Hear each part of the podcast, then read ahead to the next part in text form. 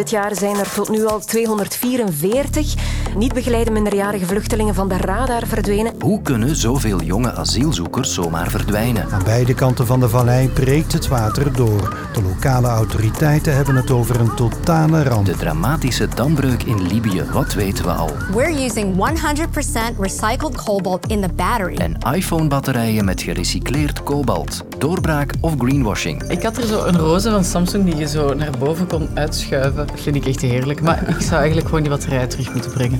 Teruggeven aan de wereld. Als je nog ongeveer 15 minuten batterij op je smartphone overhoudt, is dat net genoeg om deze podcast te beluisteren. Ik ben Lode Roels, welkom.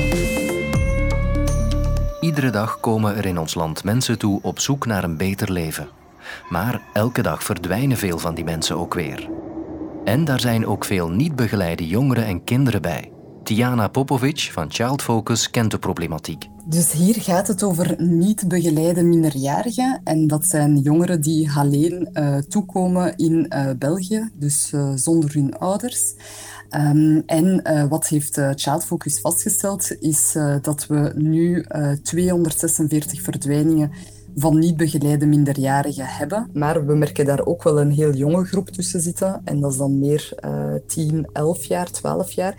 En dat zijn jongeren met een zeer uh, bijzonder profiel en een zeer kwetsbaar profiel. Want daartussen zitten jongeren die eigenlijk zwerven van, van stad tot stad en hier ook in Brussel terechtkomen en uh, leven op, het, uh, op de straat of, of in kraakpanden.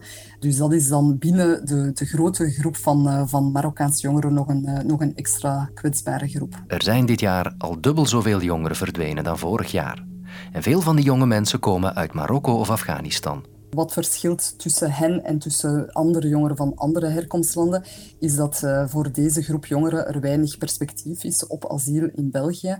Dus dat kan ook ergens verklaren waarom dat er zo'n grote groep verdwijnt. Nu, niet allemaal vragen ze altijd asiel aan. Sommige jongeren die zijn hier ook op doortocht of doorreis.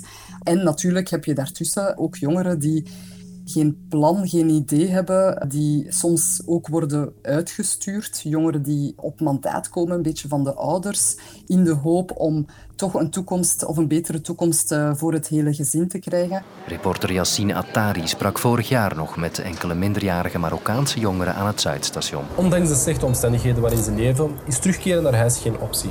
Ze willen hier geld verdienen om naar hun familie te sturen. Deze jongen is 16 en vertelt dat hij eerst in Spanje arriveerde, dan naar Parijs ging en zo in Brussel terechtkwam. De omstandigheden thuis zijn nog slechter dan hier en dus blijft hij in Brussel. Dat zijn jongeren die ook tussen die, die jongeren zitten, maar wanneer dat het opnieuw niet lukt of wanneer het veel te lang duurt, ja, dan gaan ze ook via uh, informatie dat ze krijgen van, uh, van het netwerk proberen naar een uh, andere stad of een ander land te gaan. As a migrant in Germany, what are the best three important things en dus we merken dat van de bestemmingen, want ja, we weten niet, natuurlijk niet van alle jongeren waar dat ze van plan zijn om nadien hun reis voor te zetten, maar er zijn een deel van jongeren waarvan we het wel weten, omdat zij het al verteld hebben aan begeleiders of hun voogden. En dat zijn dan jongeren die vaak naar, naar Frankrijk of naar het Verenigd Koninkrijk doorreizen. Kinderen komen meteen terecht bij de organisatie Minorendako. Jongeren pas nadat ze al opgevangen zijn in een groter centrum. Bij Minorendako worden ze begeleid. David Loïc vertelt hoe ze proberen te voorkomen dat jongeren van de radar verdwijnen. Het begint en het eindigt allemaal denk ik met de mate waarin dat de begeleiders uh, erin slagen om uh, een vertrouwensband met de kinderen aan te gaan of met de jongeren. Dus bijvoorbeeld als een jongere op weg zou zijn naar Engeland en ondertussen in België is, is het heel belangrijk om te weten ja, waar heeft jouw familie jou naartoe gestuurd, wat is de afspraak met familie, wat, was jouw, wat was jouw ambitie of jouw droom of, of naar waar wou je vluchten? Weet je in welk land dat je bent? Dus al die informatie is belangrijk. Dat komt niet vanaf de eerste minuut, hè. dat vraagt soms tijd. Dus dan is het ook kwestie van de jongeren daar heel goed over te informeren. Um, ik denk dat dat een heel belangrijk stuk is in preventie rond verdwijningen, is die vertrouwensband correcte informatie geven en proberen ook het, het uh, ware verhaal te achterhalen. Heel vaak merk je dat die kinderen wel nog in contact staan met familieleden, met ouders, met onkels. Um, en dat zijn de mensen die eigenlijk beslissen wat er gebeurt. En, en vaak hebben ze denk ik een eenzijdig verhaal van mensensmokkelaars gekregen. Dat je bijvoorbeeld in Duitsland moet zijn voor dit, of dat je in Frankrijk moet zijn voor dat. Dus er, er, er leven ook heel veel uh, foute veronderstellingen en foute ideeën. Dus als je ook iets wilt veranderen in dat traject, of als je iets wilt tegengaan, of als je um, goed wilt informeren, is het ook belangrijk om het netwerk van de niet begeleide minderjarigen mee te nemen in je hulpverlening uiteindelijk een jongere die vertrekt en doorreist naar een ander land. En als we erin slagen om samen met Child Focus of samen met met de politie of met gerecht toch te identificeren waar die jongere zit, dan is dat eigenlijk een verdwijning die we zouden kunnen schrappen. En dan moeten we dat misschien ook niet verdwijning noemen, maar een, maar een vertrek.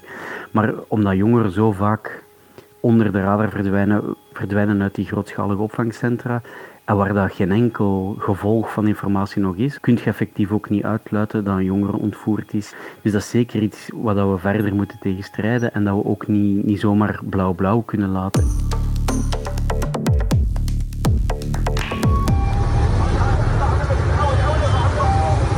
Het waren apocalyptische beelden uit Libië.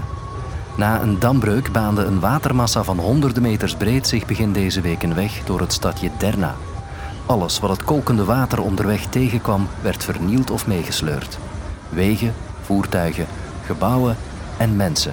Heel veel mensen. In Derna alleen al zijn er volgens de hulpdiensten 2300 doden gevallen. Tel daar de doden bij overstromingen in de hele regio nog bij en we spreken over meer dan 5000 slachtoffers. Dag Lode, goedemiddag. Correspondent Joost Scheffers doet het verhaal. Ja, wat er in, uh, eigenlijk in Libië is gebeurd is dat de storm Daniel, nadat hij eerder in Marokko en Griekenland schade heeft aangericht, ja, ook over Libië is gaan razen. En het grootste wat daar heeft plaatsgevonden is de damdoorbraak uh, nabij Derna.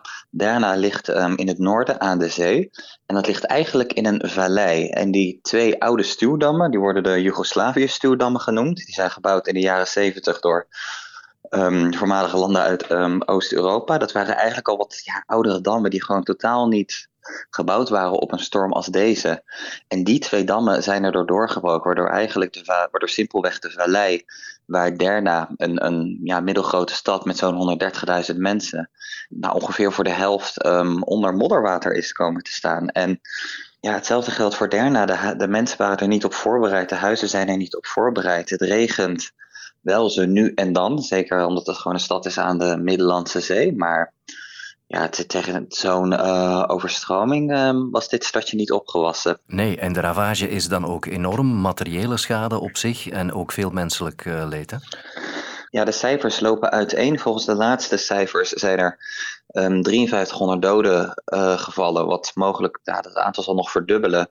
En nog tienduizenden mensen vermissen. En als je ook de beelden ziet, hoe eigenlijk gewoon een complete stad is ja, weggevaagd, onder de modder zit, meters hoog uh, modderwater wat er doorheen stroomt, ja, is dat niet heel onaannemelijk. Maar het is heel lastig om verifieerbare informatie uit Libië te krijgen. En Joost zegt het daar inderdaad, veel informatie uit het rampgebied komt er niet. Communiceren met Libië is allesbehalve makkelijk. Sinds de val van kolonel Gaddafi in 2011 is het land uiteengevallen, weet collega Masht Khalife. Libië is een verscheurd land, verdeeld in twee kanten. Je hebt een door de internationale gemeenschap erkende regering in het westen. Je hebt een andere regering in het oosten die ook regionale partners heeft. En die wordt erkend door bepaalde landen in de regio. De ramp speelt zich af aan die kant, in het oosten. Uh, die twee kanten zijn ook de facto eigenlijk in conflict en oorlog. Die oostelijke regering had misschien, misschien een beter zicht omdat hij dichterbij de ramp zit. En dan hadden ze het meteen over minimum 2000 en vandaag minimum 5300 doden. En die politieke chaos is allesbehalve goed voor de hulpverlening, zegt Mast. Er is een groot tekort aan internationale organisaties daar op het terrein. In vergelijking met andere regionale landen waar je misschien um, heel snel uh, mensen van de VN, van het Rode Kruis, wat dan ook daar op het terrein gaat zien. Um, dit is een, een stad dat intussen echt afgesloten is van de buitenwereld. Uh, met de auto's of met ambulances naar, naartoe uh, rijden zal niet meteen helpen, omdat ja, de hoofdwegen zijn verwoest. De ravage is enorm. Er zijn heel veel slachtoffers meegesleurd met het water tot aan de Middellandse Zee. De Verenigde Naties beginnen ook vanaf vandaag ook meer en meer te communiceren. Ze hebben meer zicht op. Um, en ze spreken van meer dan 30.000 uh, ontheemden die door deze ramp uh, nu op hulp aan het wachten zijn.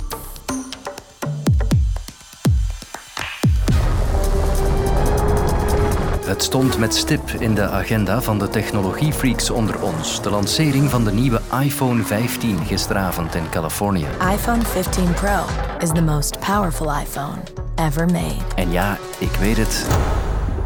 Het raakt misschien wat afgezaagd, maar die nieuwe telefoon van Apple heeft weer heel wat nieuwigheden die vandaag op allerlei kanalen druk worden besproken. Heel veel nieuwe features, maar vooral het belangrijkste is toch wel die USB-C-poort. Dus een soort van universele lader waar Apple toch wel tot verplicht was om die in te voeren bij hun smartphones ook. Lekker praktisch. I don't know, it's just USB. We knew it was coming, but it's still kind of surreal to look at an iPhone and see a USB port on it. C'est hyper bizarre en main, on dirait que c'est la même chose, mais en fait il est super léger. That titanium frame is way better than I could have imagined. De Apple Geeks hebben het dus vooral over de nieuwe universele oplader, eindelijk als ik dat toch even mag zeggen, en de superlichte titaniumbehuizing. Maar er waren nog meer nieuwigheden. For the first time, we're using 100% recycled cobalt in the battery and 100% recycled copper foil in the main logic board and MagSafe charger. Een smartphone-batterij met 100% gerecycleerd kobalt erin. En ook in andere delen van het toestel worden onder meer gerecycleerd koper en goud gebruikt. Wat moet ik daarvan denken? Zit Apple echt op de goede weg? Of hebben we hier te maken met een staaltje greenwashing? Uitpakken met duurzaamheidsclaims die misschien niet veel voorstellen. Ik zie het eerder als een doorbraak, inderdaad. Het is niet evident dat zoveel gerecycleerd materiaal aanwezig is in een product. Het is wel een, een, een stap zeker in de goede richting. Dit is in het kort het oordeel van Jeroen Sporen, expert batterijrecyclage bij Vito, de Vlaamse instelling voor technologisch onderzoek. Hallo. Maar ik wil er meer over weten. En dus legde ik Jeroen drie vragen voor. Wat is kobalt eigenlijk? Wel, kobalt is, is een metaal, een D-blok metaal zoals men dat in de chemie noemt. Het is een metaal dat gebruikt wordt in allerlei toepassingen en vooral in lithium-ion batterijen zorgt het voor een zeer goede performantie. Kobalt is een, een metaal dat gewonnen wordt, vooral in de Democratische Republiek van Congo. Wat het voor Europa een kritieke grondstof maakt. En kritiek wil zeggen dat bepaalde grondstoffen die zowel een risico hebben naar aanlevering richting Europa als een zeer economisch belangrijke grondstof zijn, die worden bestempeld als kritieke grondstoffen. Zo zijn er een dertigtal waaronder kobalt een van de, de belangrijkste is. Waarom is het belangrijk dat we metalen als kobalt, goud en koper recycleren? Het is inderdaad zeer belangrijk dat we dat kunnen recycleren om die aanlevering aan Europa te verzekeren. Want natuurlijk, als kobalt ontgonnen wordt in een wat uh, instabieler land, geopolitiek gezien, is het belangrijk dat we kobalt ook elders kunnen gaan halen. En recyclage is daar natuurlijk een, een goed voorbeeld van.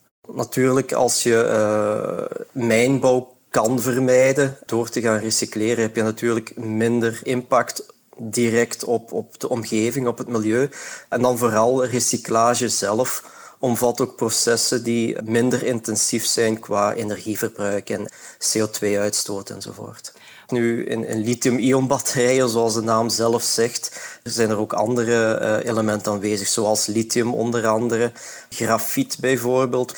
Ja, dat wordt vandaag de dag nog niet gerecycleerd. En het zou natuurlijk steeds leuk zijn als je zoveel mogelijk metalen uit een batterij kan recycleren. En uh, daar wordt inderdaad ook veel onderzoek naar gedaan. En als we luidop mogen dromen, wat is dan de ideale duurzame smartphone? De ideale duurzame smartphone is eentje die het eerst en vooral gerecycleerd kan worden. Want vandaag de dag is het zeer moeilijk om een smartphone uit elkaar te draaien, laat het zo zeggen. Vaak zitten componenten aan elkaar geplakt. Dus als je een iPhone eerst en vooral al gemakkelijk kan demonteren om bijvoorbeeld een applicatie zoals het scherm of, of de camera gemakkelijk zelf kan vervangen, dan hoef je de telefoon niet volledig te recycleren.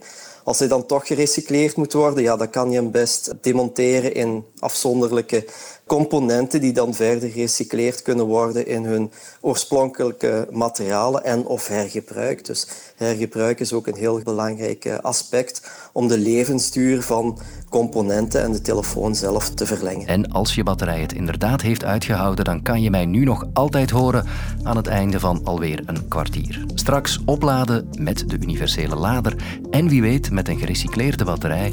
En dan hoor je ons morgen opnieuw. Tot dan. Wat als het maken van een baby geen plezante bezigheid is, maar wel een uitdagend project?